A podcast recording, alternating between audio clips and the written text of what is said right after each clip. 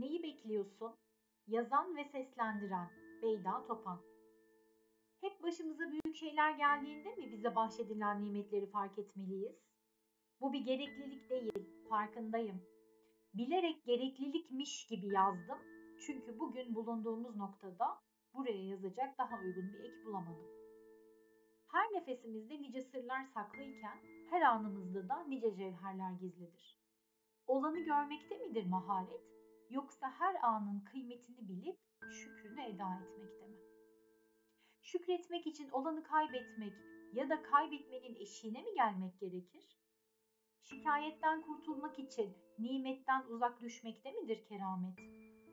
Bu soruların sadece benim değil, bu satırları okuyan sizlerin de bu aralar her gün aklından geçtiğini biliyorum. Soruların aklımıza gelmesi ilk durak. Farkındalık. Kendimize kocaman bir aferin verelim. Her şey ilk durakta başlarken yol almak için devam etmek gerekir. Evet, ikinci durak cevaplar. Bu durakta daha çok zaman harcarız. Lakin bunun pek bir önemi yoktur. Hayatın bir hızı olmadığı için cevaplarda harcanan zaman da önemli değildir. Kişiye özgüdür.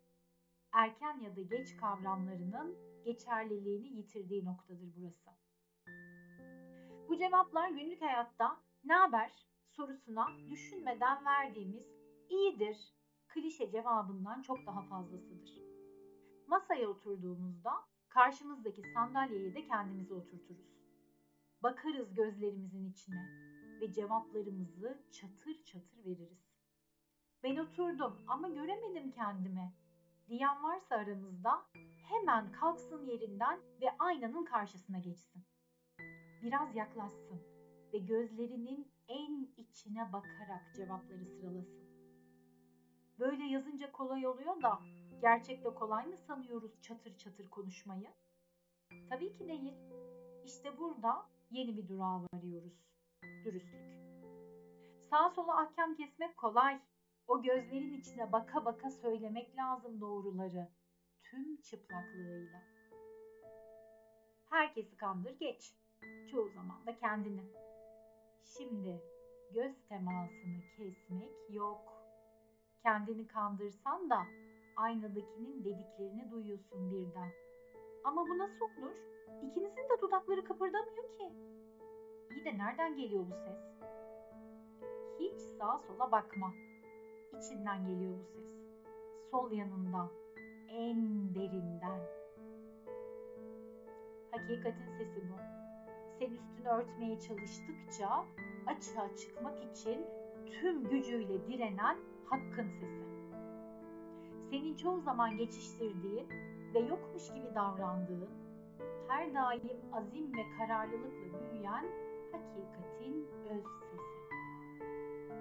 Hani ilkokulda öğretmenin atasözü verip kompozisyon yazmanı isterdi de sen tam olarak anlamazdın atalarının bu sözle ne demek istediğini.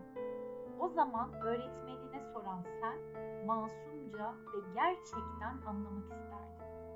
Öğretmenim, güneş balçıkla sıvanmaz derken ne demek istediniz?